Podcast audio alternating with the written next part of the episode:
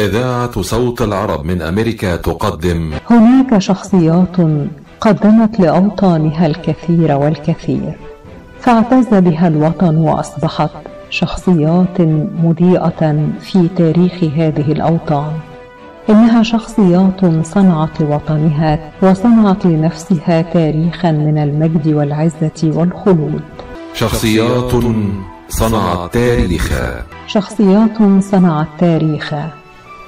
الإعداد والتقديم مجدي فكري. مستمعينا الكرام أهلا بكم معنا في هذه الحلقة الخاصة التي نقدمها لكم اليوم من برنامج شخصيات صنعت تاريخا بمناسبة ذكرى حرب أكتوبر. في ذكرى مرور خمسين عاما على نصر حرب أكتوبر التي توحد فيها العرب على كلمة سواء. واستطاع الجنود المصريون عبور المانع الصعب خط بارليف في ست ساعات وكبدوا العدو خسائر كبيرة في المعدات والأرواح.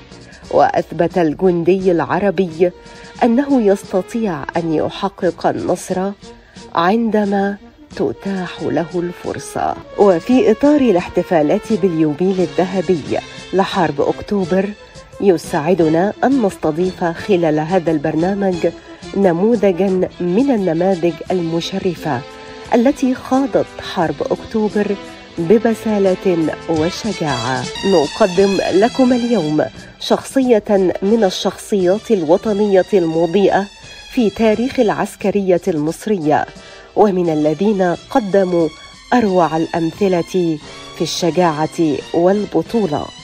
هو البطل الدكتور محمد نور الدين بطل موقعة كبريت الشهيرة وهو أحد أبطال القوات المسلحة المصرية الذين شاركوا في حروب الاستنزاف ما بين عامي السابع والستين والثالث والسبعين وهي التي صنعت تاريخا من العزة والنصر ومهدت لنصر حرب أكتوبر. هو أيضا أحد الأبطال الذين شاركوا في حرب أكتوبر وأثبتوا جدارة وبسالة لا تقارن وسطروا قصصا أغرب من الخيال في القتال وفي مواجهة العدو والزود عن الوطن. يسعدنا اليوم أن نستضيف الكيميائي الدكتور محمد نور الدين الذي كان وقت حرب أكتوبر نقيب احتياط وقائد سرية تابعة للواء 130 مشاة أسطول وهو أحد أبطال موقعة كبريت العسكرية التي صمد رجالها حتى النهاية. وعاشوا تحت حصار الجيش الإسرائيلي 134 يوما. الكيميائي الدكتور محمد نور الدين بطل من أبطال موقعه كبريت الشهيرة خلال حرب أكتوبر وهو صاحب فكرة تحلية مياه البحيرات عن طريق التقطير اليدوي حتى يشرب الجنود المحاصرين في موقع كبريت أثناء الحرب. مما ساعد على صمود أبطال كبريت هذه المدة الكبيرة. 134 يوم. الدكتور محمد نور الدين حاصل على نوط الشجاعة من الطبقة الأولى في حرب أكتوبر المجيدة من الزعيم الراحل محمد أنور السادات. وحصل أيضا على درع التفوق العسكري من الرئيس عبد الفتاح السيسي. قامت محافظة الإسكندرية بتكريمه وكان ذلك بإطلاق اسمه على أحد شوارعها. عمل رئيسا وعضو مجلس إدارة في عدة شركات صناعية. وهو حاصل على الدكتوراه الفخرية من جامعة كامبريدج. وهو يعمل حاليا خبيرا ومستشارا دوليا بالأمم المتحدة. آه، دكتور محمد أهلا معنا أهلا وسهلا أستاذ فكر أهلا بيك.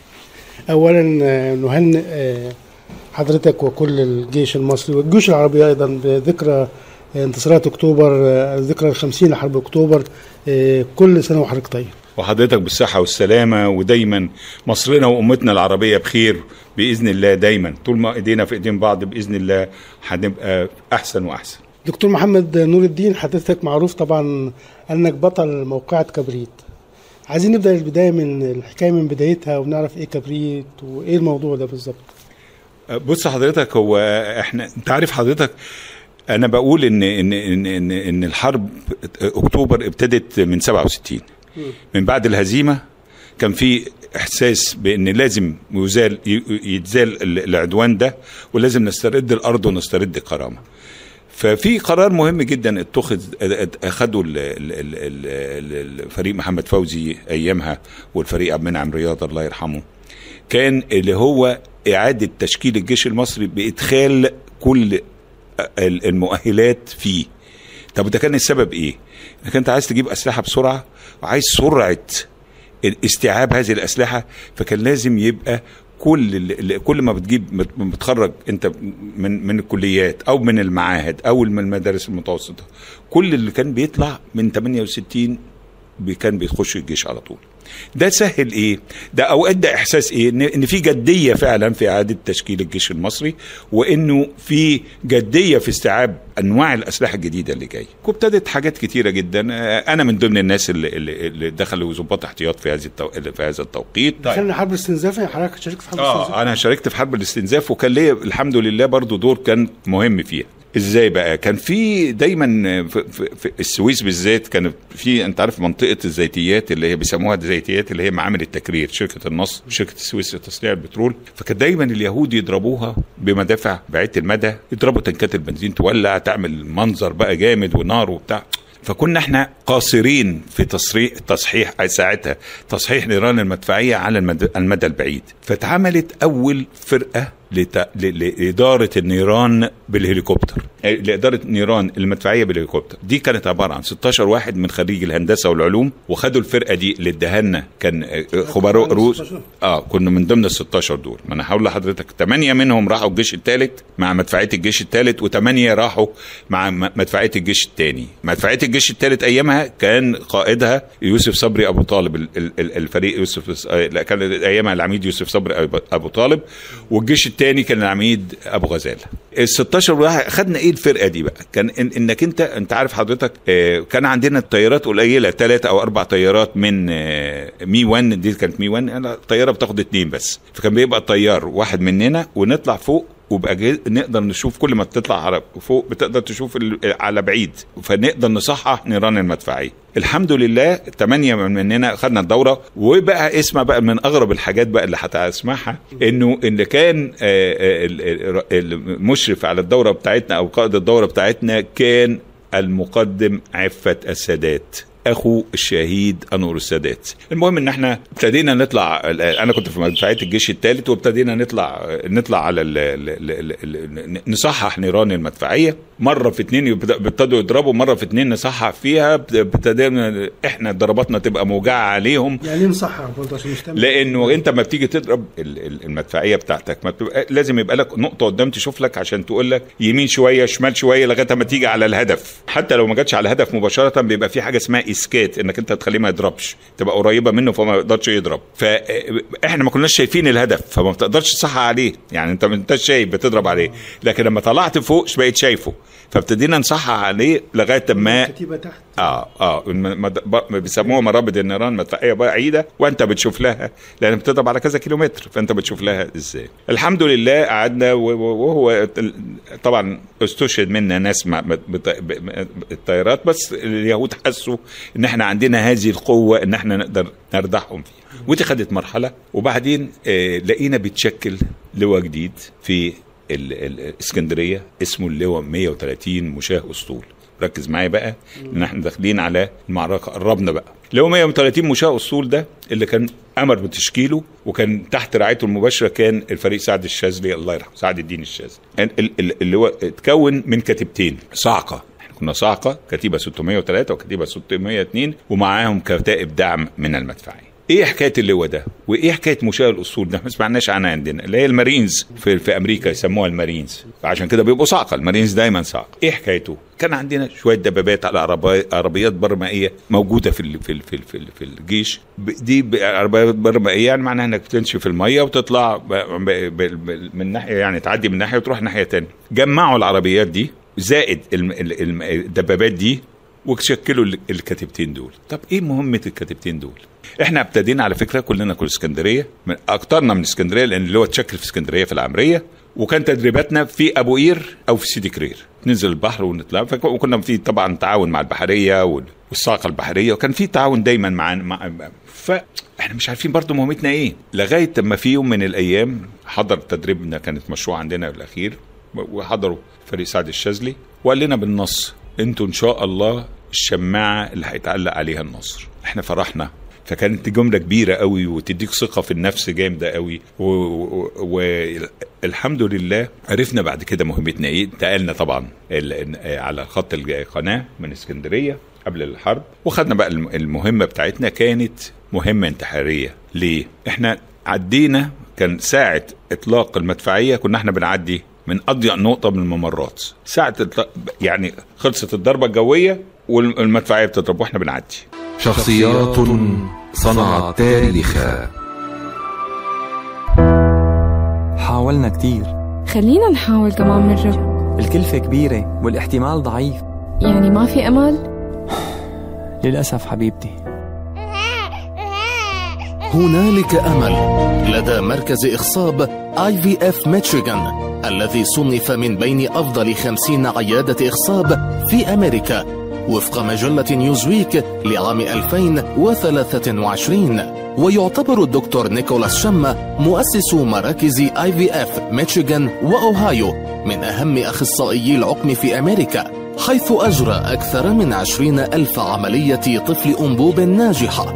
حققت حلم الأبوة لكثير من الآباء والأمهات وهو حاصل على البورد الأمريكي في أمراض النساء والتوليد والعقم والغدة الصماء التناسلية. الآن ولفترة محدودة خصم ألف دولار للحالات المؤهلة لإجراء عمليات في عيادات اف ميشيغان لمزيد من المعلومات يرجى الاتصال على 2489 IVF أمل يولد من جديد.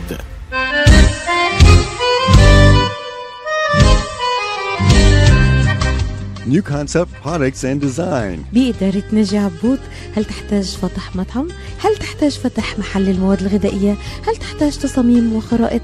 اتصل بناجي عبود على الرقم 734-744-9796 هل تريد شراء معدات المطابخ والمطاعم وبأسعار مخفضة وتسهيلات بالدافع؟ اتصل بناجي عبود الآن على الرقم 734-744-9796 خصم 5% عند الشراء ب 75 ألف أو أكثر على كافة المواد لمزيد من المعلومات زوروا موقعهم الإلكتروني على www.newconceptproducts.com. أو زوروهم في موقعهم الجديد 31185 Schoolcraft in Livonia. ناجي عبود العلامة المميزة في عالم المطابخ بين الأنقاض وركام الأبنية داخل خيمة شيدت على عجل بجانب سرير في مشفى ميداني. كانت منظمة الحياة للإغاثة والتنمية من أول الواصلين لمساعدة ضحايا زلزال تركيا وسوريا. وفي الذكرى الثلاثين على تأسيسها ما زالت تساعد ضحايا الزلزال والمتضررين من الكوارث الطبيعية في 36 بلدا حول العالم دون تمييز بين عرق أو جنس أو دين ودون اقتطاع أي رسوم إدارية على تبرعات الاستجابة الطارئة. تبرع الآن لتبث الأمل في حياة كثير من المتضررين والمحتاجين من خلال منظمة الحياة للإغاثة والتنمية التي تم اختيارها من أفضل تسعة مؤسسات خيرية حول العالم لعام 2022 تبرعوا الآن على الرقم 1-800-827 3543 أو زوروا موقعهم الإلكتروني لمزيد من المعلومات على www.lifeusa.org Life for Relief and Development حيثما توجد الحياة يوجد الأمل. شخصيات صنعت تاريخا الدكتور محمد نور الدين بطل من أبطال حرب أكتوبر المجيدة وبطل موقعة كبريت الشهيرة. عدنا مرة أخرى للحديث ونعود آه، مع سيادتك للذكريات العظيمة في هذه الحرب المجيدة. أيوة، أنت أنت اللي رجعتنا بال... بعدى النهار لل... شوف الكلام الجميل و... وال... يعني ما تقعد تسمع كل وبلدنا الترعه بتغسل شهرها. وجانا نهار ما قدرش يدفع مهرها ابدا ابدا بلدنا للنهار. الأغاني دي بتفكرنا يمكن ال- الجيل بتاعنا بي بيحسها قوي لأنه عاشها. المهم حضرتك إحنا زي ما بقول لسيادتك في أول موجات اتحركت الكتيبتين أم عدينا البحيرات من اضيق نقطة أثناء المدفعية واثناء كان الساعة كام حضرتك؟ اتنين تقريبا وربع تقريبا. يعني كنتوا بدايات للناس اللي عدوا. آه آه ما هي أول ناس ما عشان كده ما عشان كده بقول أول فوق يعني. أيوه بالظبط. وعشان كده كنا بالدبابات البرمائية. كان في زملات لينا بال بال بال بالزوارق المطاطية واللي طلعوا على ال بال بالحبال وبتاع. بس إحنا كل واحد كان له دور. إحنا دورنا كان الأساسي إيه؟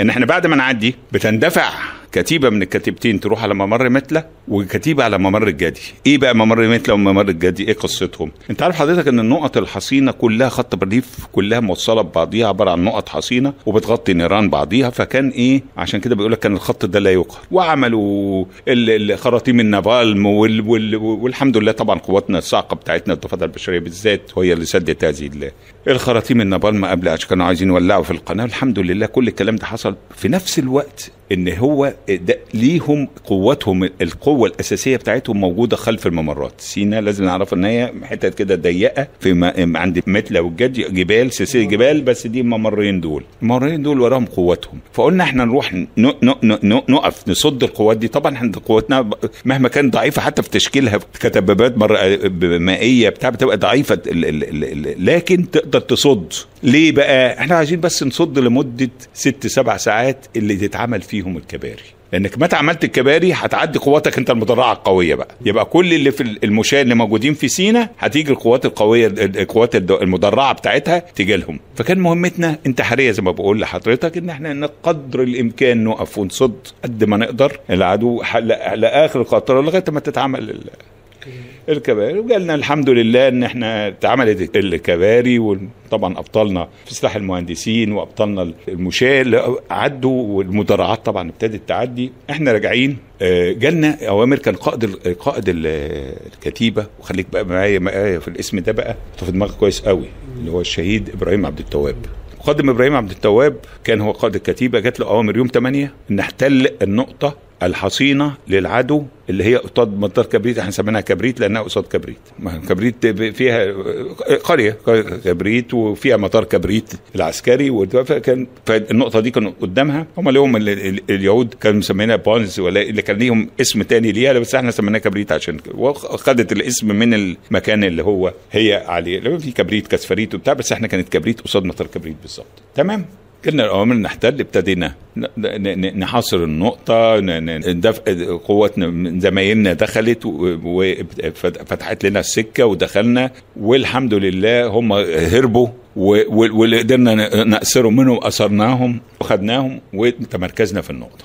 خلاص؟ إحنا بقى المفروض بترجع أنت الض- الاضافه اللي أنت مهمتك كلواء انتهت لأنك أنت صديت البتاع وخلاص وخسايرك بترجع بقى عشان تعوض خسايرك وتشكل تعيد تشكيل اللواء تاني. فإحنا قلنا أو الشهيد إبراهيم عبد التواب بقى قال لهم إحنا قاعدين أهو بنعمل هن- هن- هن- هنعيد آه، آه، نظام الألغام حوالين النقطة ونعمل كماين ونقدر نصد خلاص طب خلاص خليكم. وابتدى وابتدى ندعم النقطة ال- أو ندعم الكتيبة بالحاجات اللي ناقصاهم في مدفعية في هاونات في بتاع نستكمل الحاجات اللي هي فقدت أثناء المعركة. وبقينا موجودين لغاية أما يوم 15 و16 ابتدينا لقينا ضرب. كان طيران ما كانش طيران يقدر يجي ناحية النقطة تماما لأن كان الدفاع الجوي بيصده يوم 15 و16 لقينا الطيران بيضرب فينا جامد جدا. الله! كان دي بقى حصلت ثغره الدفرسوار وابتدوا يتجهوا في اتجاه السويس. ما إحنا أقرب للسويس كبريت أقرب للسويس. فكانوا هم طب يضربوا النقطة دي جامد ليه؟ طبعا عرفنا بعد كده أهمية النقطة دي لأنها هي أقرب نقطة للضفة الغربية للقناة. فكانوا يقدروا يعدوا كانوا عايزين يعملوا زي الدفرسوار بالظبط في ثغرة هناك ودي كانت عايزين يعملوها ليه هنا؟ عشان تبقى جنب السويس.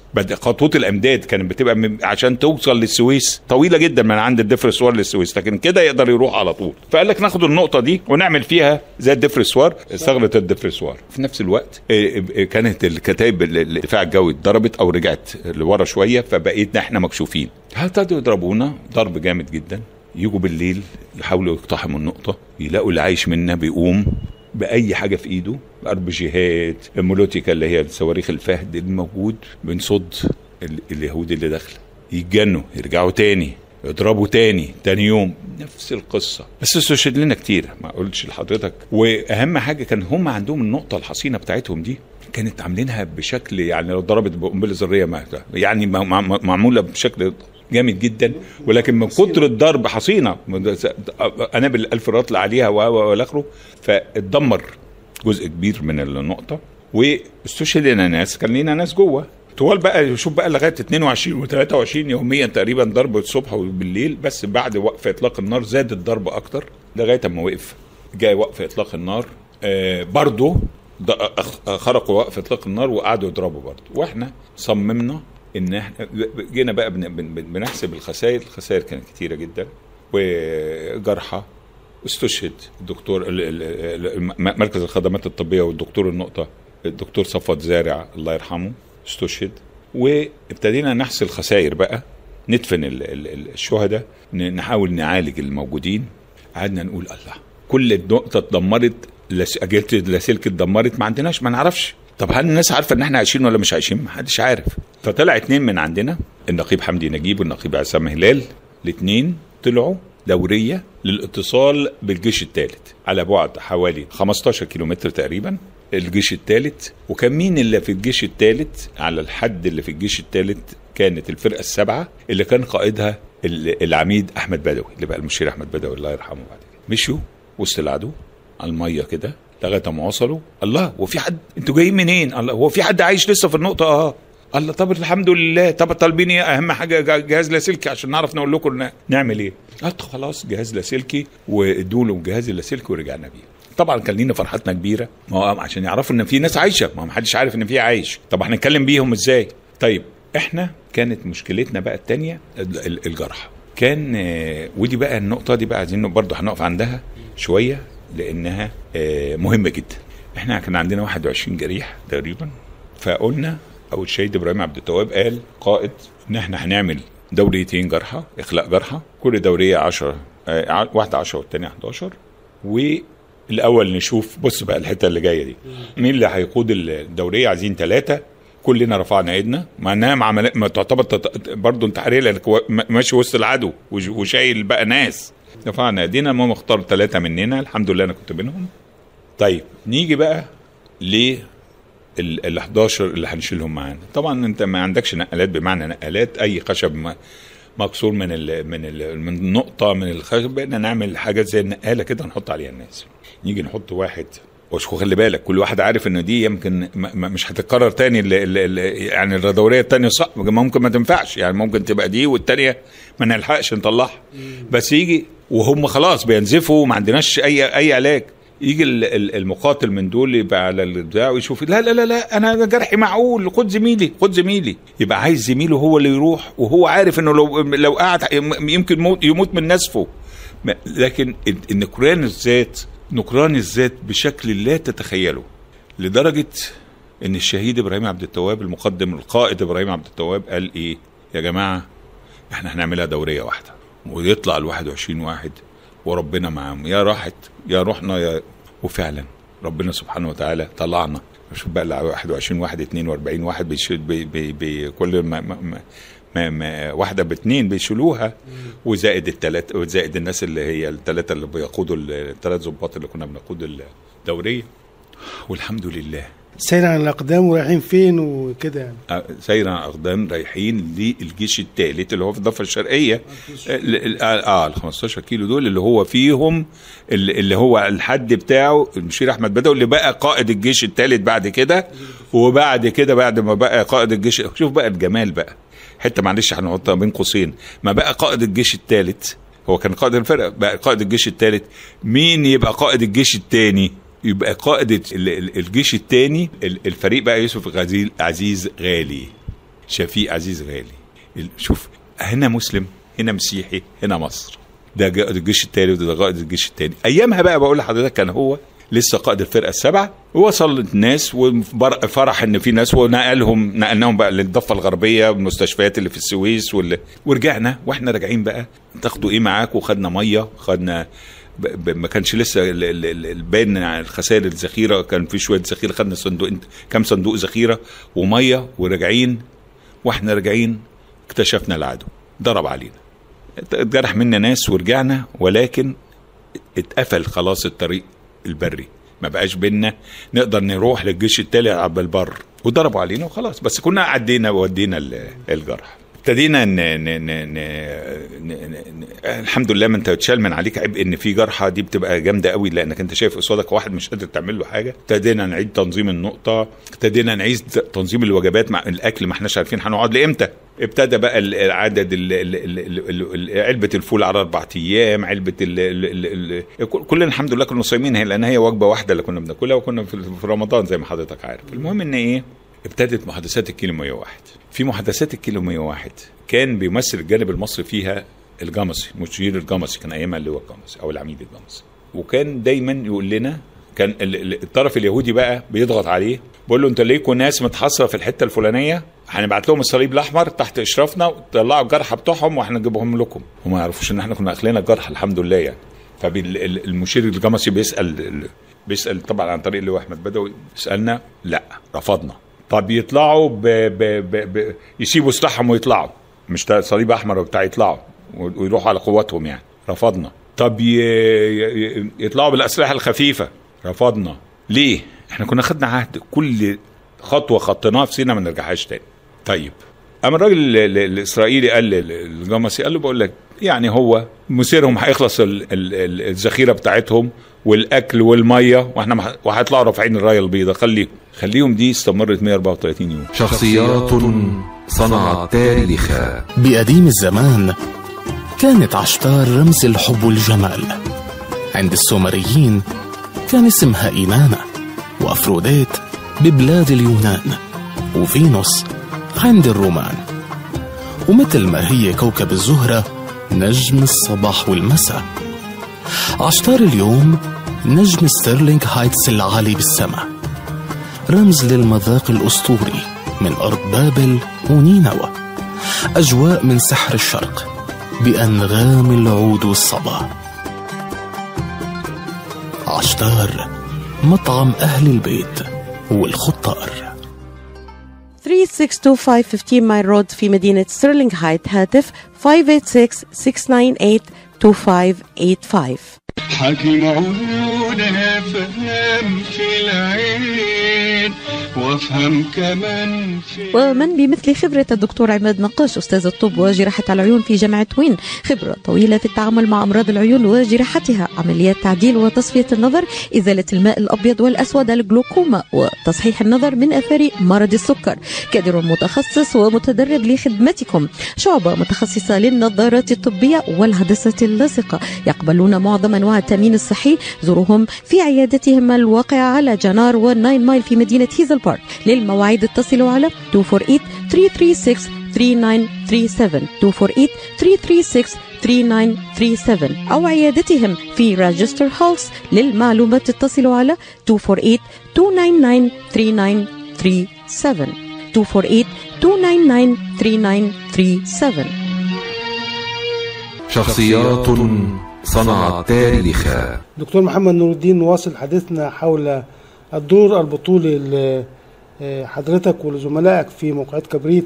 نتعرف على تفاصيل آه، هذه الموقعة التي استمرت كما ذكرت حضرتك 134 يوم في آه، حرب أكتوبر. بص حضرتك إحنا طبعا ما كناش عارفين إن هتستمر هذه ال ال ال ال المدة لكن هو إحنا كنا إحساسنا إن إحنا مش هن مش هنسيب الأرض دي. وخاصة بعد الشهداء اللي دفنينهم بإيدنا الشهداء بتوعنا. وكان عندنا يعني قائد بطل بطل بمعنى الكلمة الشهيد البطل إبراهيم عبد التواب. عشان أقول لك هذا الرجل استشهد إمتى؟ 14 يناير 74 بعد ما الناس الناس كلها كانت فاكرة إن الحرب خلصت. ده آخر شهيد في حرب أكتوبر. استشهد وهو وسط رجالته بيق- بي كان بيصلح نيرانها يعني بي بيدير معركة معينة ومناوره معينة مع العدو واستشهد. بعديه على فكرة بعد استشهاده بأربع أيام كان فصل القوات. آخر شهيد في حرب أكتوبر. أما تعرف كده تقول إيه؟ بتديك إنك تقول ان القائد أما تعرف إن القائد كان طالع قدامه وقاعد وسط ناسه وبي بي بي واستشهد ده تديك دلالة قوية جدا. قد إيه هذه النوعية من القادة العظام كانوا بيقودوا هذا الشباب من الجيل ده وبيزرعوا فيهم الوطنية. أنا هقول لحضرتك حاجة إحنا كان من ضمن الحاجات اللي كانت بتحصل في الحصار صلاة الجمعة. وكنا حريصين جدا أو سيادة ال- ال- ال- المقدم إبراهيم عبد التواب حريص جدا على صلاة الجمعة. صلاة الجمعة كان بيجي يأمنا في هذه الصلاة وكنا نبت... ن... ن... ن... ن... وكان دايما يكلمنا في الصلاة خطبه كانت تعود على إيه؟ كانت دايما حوالين موضوع إيه؟ مش هتصدق حضرتك حوالين موضوع بر الوالدين وإزاي تبر والديك لما ترجع ولا تقل لهم اف ولا تنهرهم محسسك إنك راجع رغم إن إحنا كل يوم ممكن واحد يصاب وواحد يستشهد لكن إحساسك بال... إنك أنت راجع. تاني اليهود بقى لاحظوا إن دايما إشمعنى يوم الجمعة ده بيبقى فيه الدنيا هادية ومفيش بتاع يبقى لازم في حاجة يبقى إيه نضرب في الوقت ده فابتدوا يضربوا في الوقت ده. طيب آه، ما نصليش؟ لا. يجي النقيب مدحت منير فهيم رايح يا فندم. هتصلوا يا فندم. أيوه. هتصلوا يا فندم. وأنا ومنير وخلة وكل أصحابنا زمل- زملائنا المسيحيين هنقف على الساتر وهنضرب. وما تصلوا حضرتكم زي وخطبتك زي ما هي يا فندم. ولم تقف صلاة الجمعة أبدا حتى آخر جمعة قبل استشهاده. الله يرحمه. واستمر. فابتدينا إحنا هنصلي هيبتدي الخطبة يبتدي هم إحنا نضرب. فيقول لك الله لا ده يبقى حاجة عادية. واستمرت هذه ال- ال- الروح الجميلة اللي زي ما بقول لحضرتك دي تد- تدرس اللي هو آه، مدحت منير. ربنا يديه الصحة. آه، كنت معاه قريب. وبعدين بقول له مدحت إيه اللي- إيه أكتر حاجة فاكرها في في في كبريت؟ قال لي أنت عارف في 7 يناير اللي هو عيد الميلاد المجيد. أنا عدى علينا ال- ال- ال- ال- ال- المقدم إبراهيم عبد التواب على كل المسيحيين اللي في النقطة ومعاه كيس. الكيس ده كان فيه toffee. ال toffee ده كان يعني كان عنده كان جايبه بقى من أيام مثلا مركب ما كانوا بنسميها رحلات الموت مخليها محتفظ بيها. يدي لكل واحدة. ويدي لكل واحد توفاية. دي ال toffee اللي هو البونبون الطري.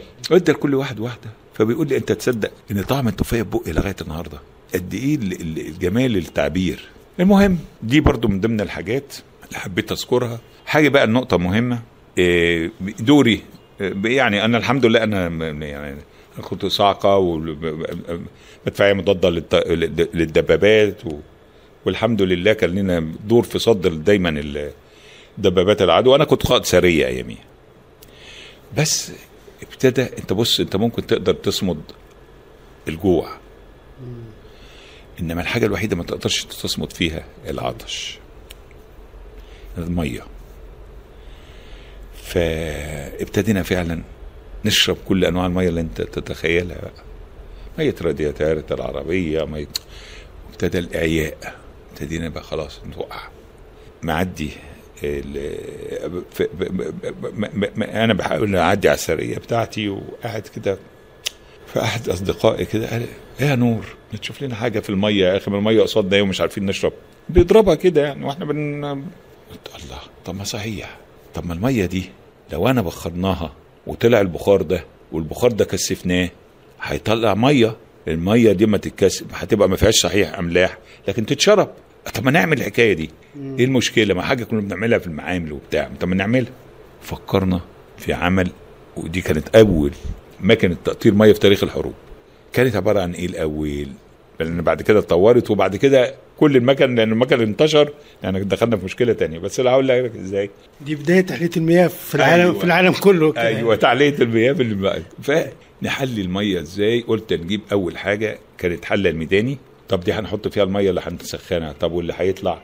طب نكثفه إزاي؟ جبنا خرطوم قلنا خرطوم آه التفكير بقى خرطوم. طب ونلف عليه. خيش وندي الخيش بالميه تقوم تتكثف ال- ال- البخار.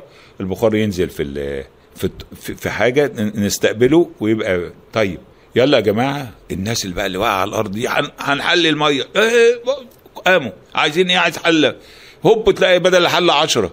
عايزين خراطيم يخشوا على الدبابات بتاعت اليهود اللي فيها الخر... يفكوا الخراطيم بتاعتها بتاعت البكم وبتاع ويجيبوها.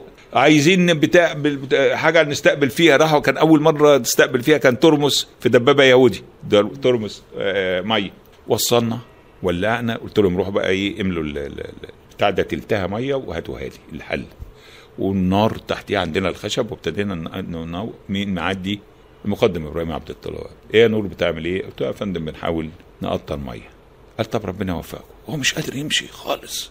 ابتدينا نقطر المية. طبعا في حاجات إحباطات يعني أول مرة جينا ندوق المية لقيناها مالحة. طب المالحة إزاي؟ و...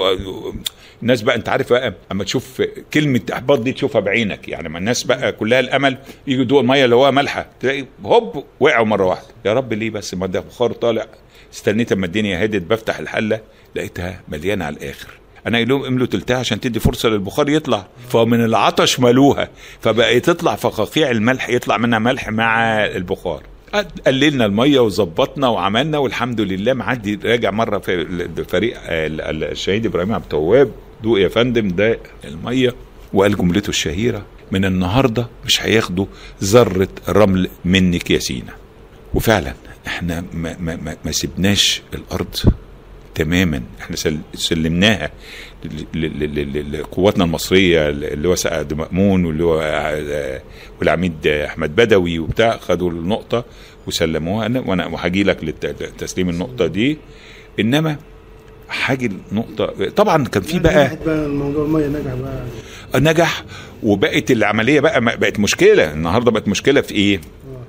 إن كله ابتدى بقى يجود بدل ما الحله يجيب تانك مثلا بتاع دبابة أو بتاع بيبقى التانك بيديه بيزود لك مساحه تقوم في في ما فيش ساعتين تلاقي عندك جيركن ميه بس ده كان على حساب إيه؟ الخشب. ما أنت ما عندكش خشب. فكان فراحت شهيد إبراهيم عبد التواب قال ما فيش غير مكنة واحدة تبقى عندي. وكل واحد له نص زمزمية في اليوم وله زمزمية في كل أسبوع في في عشان يستحمى بيه عشان خاطر ينزل طبعا البحيرات ويطلع ينزل الملح اللي عليه عشان صلاة الجمعة. يبقى أنت ليك في اليوم نص زمزمية. ليه؟ ما أنت خايف كمان الخ... لو ما تقدرش تعمل كمية كبيرة لأنه ممكن يضربوا ليها هود يبقى أنت ضيعت خشب ومجهود وكله. خلص الخشب نقوم يعمل إيه؟ ربنا سبحانه وتعالى في خط سكة حديد ورا النقطة كان من عيون موسى للعريش الخط ده قديم ومهجور. يطلع العسكري المصري الراجل الجدع الشهم بطوله ما لا معاه مفتاح بتاع ولا ويروح يطلع ويكسر في اللي ويلفع ويفك الفلنكه ويرفعها على كتفه ويجري بيها حوالي 300 متر يخش النقطة وبتضرب عليه نار وإحنا بنضرب وفي ناس اتصابت. ويشيلها على كتفه ويجري بيها 300 متر. على فكرة إحنا حاولنا أربعة نشيلها بعد كده كانت لأن واخدة رطوبة من تحت تقيلة. جدا. إزاي ربنا سبحانه وتعالى هو اللي كان بيدي القوه شخصيات صنعت تاريخا أهلا وسهلا شرفتونا. تفضلوا على الأكل. ما في أحلى من جمعة الحبايب على السفرة بال weekend wow شو طيب ورق العنب؟ مثل اللي بتعمله ستي. صحتين حبيبتي. والكبة كيف شفتيها؟ امم مثل ما بتعملها ستي. وشو رأيك بالكنافة؟ الكنافة؟ لا مش معقول كنافة ستي مأكولات زياد نكهة الأجداد يتوارثها الأحفاد خالته فيني أسألك شو طابخة بكرة؟ هل تعاني من ألام في المفاصل أو العظام؟ هل جربت الأدوية دون فائدة؟ هل تفكر في إجراء عملية؟ انتظر الحل لدى مركز توب ريهاب للعلاج الطبيعي جهاز سوفت ويف علاج جديد غير جراحي يستخدم الموجات فوق صوتية لتحفيز الجسم على بدء عملية الشفاء وتوليد أنسجة جديدة في مجالات جراحة العظام الكسور العناية بالجروح وعلم الجمال دون جراحة أو تخدير وقت علاج قصير نتائج سريعة طويلة الأمد تستخدمه العديد من المراكز البحثية الطبية والرياضية الرائدة في أمريكا. الآن حصريا في ميشيغان لدى مركز توب ريهاب للعلاج الطبيعي. احجز جلسة تقييم شامل لحالتك بواسطة جهاز سوفت ويف وبرسوم رمزية. اتصلوا الآن على 313-846-0555 توب ريهاب physical therapy بإدارة أخصائي العلاج الطبيعي الدكتور محمد فرح حسين بخبرة أكثر من 20 عاما. اتصلوا الآن واحجزوا 313-846-0555 شخصيات صنعت تاريخا آه، نعود مرة أخرى للحديث عن هذه الملحمة الكبيرة العظيمة في تاريخ حرب أكتوبر ملحمة كبريت.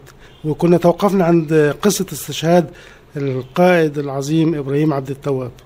آه، إحنا كان في علم فوق النقطة. إحنا ما كان العلم اليهودي ما نزلناه. حطينا علم مصر. مع الضرب مع الشتاء مع الضرب النار مع البتاع الهد... العلم ات- اتقطع. فقلنا له يا فندم عايزين تطلب لنا كده كنا كان- بيجي لنا بقى إيه ب- كنا بنسميها رحلات الموت ليلة. كانت لانشات بتيجي من ال... في قناة السويس تعدي بين اليهود من ناحيتين وفي ب... و... و... و... وت- وتجيب لنا كنا نطلب دايما يا ذخيرة واللي كنا حلينا مشكلة المية. كان الأول ذخيرة ومية بقت ذخيرة و- والأكل. حاجات بسيطة جدا لأنها كان بيتضرب عليهم دايما. وكان فيهم لو حضرتك تعرف عندنا من اسكندرية الشهيد سيد حرب. هو سيد حرب اللي هو كان آه، اللي هو سيد حرب اللي كان بعد كده كان ماسك الرقابه الإدارية عندنا في اسكندرية. كان معانا كان ده بي- بيقود رحلات الموت هو عصام هلال البطل عصام هلال. المهم إن قلنا طلبنا باللاسلكي ابعتوا لنا علم. هو طلب ابعتوا لنا علم. بعتوا لنا علم. كل يوم يا فندم مش هنعلق العلم بقى؟ العلم وصل نعلقه. يا عم هو يا جماعة هو في حد غيرنا ما فيش غيرنا. حوالينا كلنا يهود حوالينا في كل حتة استنوا شوية استنوا شوية إلى أن يأتي يوم 14 يناير يوم استشهاده ونفتح دفتر أحوال السرية ونلاقي ورقة كده كده شبه أو مدونة كده. زي ما تقول إيه وصية. قال لك عندما استشهد يعني كان عارف إنه هيستشهد لفوني في علم مصر. العلم اللي هو مخليه. وادوا المصحف لبنتي منى والسبحة لابن خالد وسجاده الصلاة لابن طارق. استشهد هذا البطل وكان عندنا العزيمة كلنا ان مستعدين نطلع. ناكل أي حد قصادنا. لم تطلق طلقة نار بع- بعد كده على الموقع. إحنا كده بعد كده قلنا فصل القوات لكن إلى أن جاء فصل القوات لم تطلق طلقة واحدة على الموقع. لدرجة إن لما جينا نطلع إحنا طالعين برضو من الشرق رايحين على الجيش الثالث ونعدي بعد كده من عنده من المعبر بتاعه على الغرب. اليهود وقفوا على السلاح وسلام سلاح لينا وطلقات نار احتراما لل- لل- لل- للقوة اللي كانت بتحاربهم. طب آه، عايزين نعرف بقى تسليم الموقع بقى كبريت. أيوه هو إحنا جت بقول لحضرتك آه، آه، اللي هو سعد مأمون وال- والفريق سعد وال- واللي هو آه، كبار أحمد بدوي. وكبار قوات جم استلموا منا النقطة وكانوا يعني طبعا كانوا فرحانين بينا جدا وكان شكلنا بقى طبعا اتغير خالص و ويعني بس قالوا يعني كانوا فرحانين إن إحنا صمدنا ورفعنا رأس القوات المسلحة. ويعني يكفي إن أقول لحضرتك يعني ان ان ان إن ستالينجراد اللي طالعين بيها السما في ال- الحصار حصلت 92 يوم وكل وكان مش يعني بلد عادية عايشين وما فيش ضرب يعني حصار فقط. أنت ضرب يومي أنت بت- بتستشهد منك ناس حتى قائد الموقع نفسه استشهد آخر يوم. فأنت يعني بتحارب مش قاعد متحاصر بقى وقاعد ساكت لا بتحارب وبتحارب الجوع وبتحارب العطش وبتحارب كل حاجة بتحارب النفس البشرية بتحارب في حاجات حروب داخلية وإرادة النصر وربنا سبحانه وتعالى يعني إحنا أنا أنا لا أتخيل يعني أنت عارف حضرتك بعد كده ودونا يعني الك- الكلام ده كان في فبراير 14 فبراير بقى.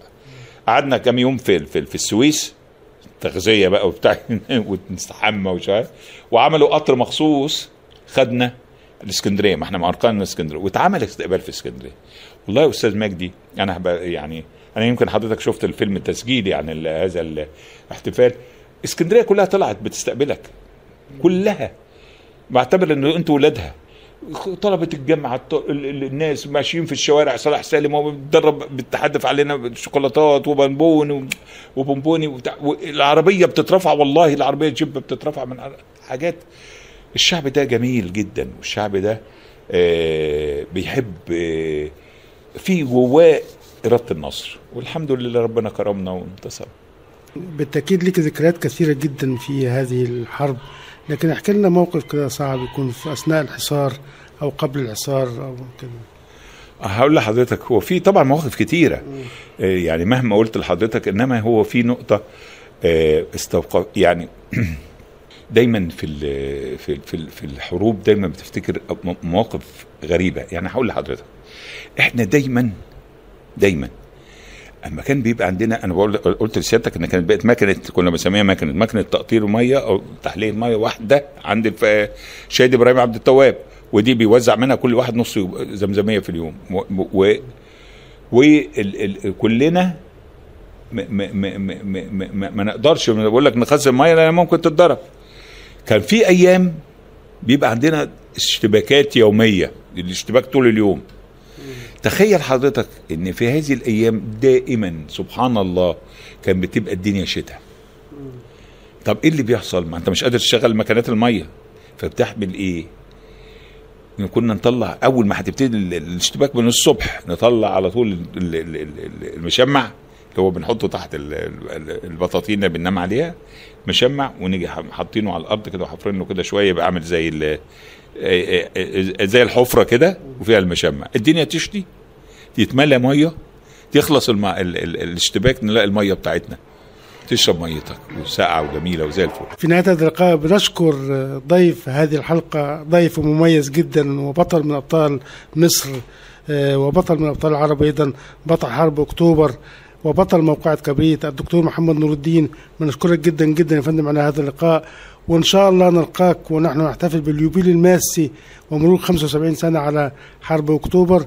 كل سنة وحضرتك طيب وتحية لك من مصر ومن كل الشعب العربي. أنا اللي بشكرك جدا جدا وبشكر حضرتك و... وعلى ذكر الشعب العربي أنا بت- بتذكر طبعا المواقف ال... ال... ال... ال... ال... اللي... اللي كان عليها كل العرب كان ايدينا في ايدين بعض وكان تلاقي القوات العراقيه وتلاقي الكويت- الكويتيه وال... والموقف الليبيا وموقف الجزائر ولا انسى موقف ال- الملك فيصل الله يرحمه اما وقف ال ال ال ال ال ال البترول وفعلا هز الغرب كله وكان له تعبير جميل جدا كان بيقول لهم مش ممكن هيكون البترول العربي أغلى من الدم العربي. وفعلا كانت إيدينا كانت في إيدين بعض وعشان كده ربنا سبحانه وتعالى نصرنا. ب ب يعني بتمنى بإذن الله ان ان ان أن ترجع تاني هذه الروح ونرجع تاني كلنا إيد واحدة وإن شاء الله ربنا ينصرنا جميعا. شكرا لكم مستمعينا الكرام. شاركت في تقديم هذه الحلقة هناء صبحي. دمتم بكل خير.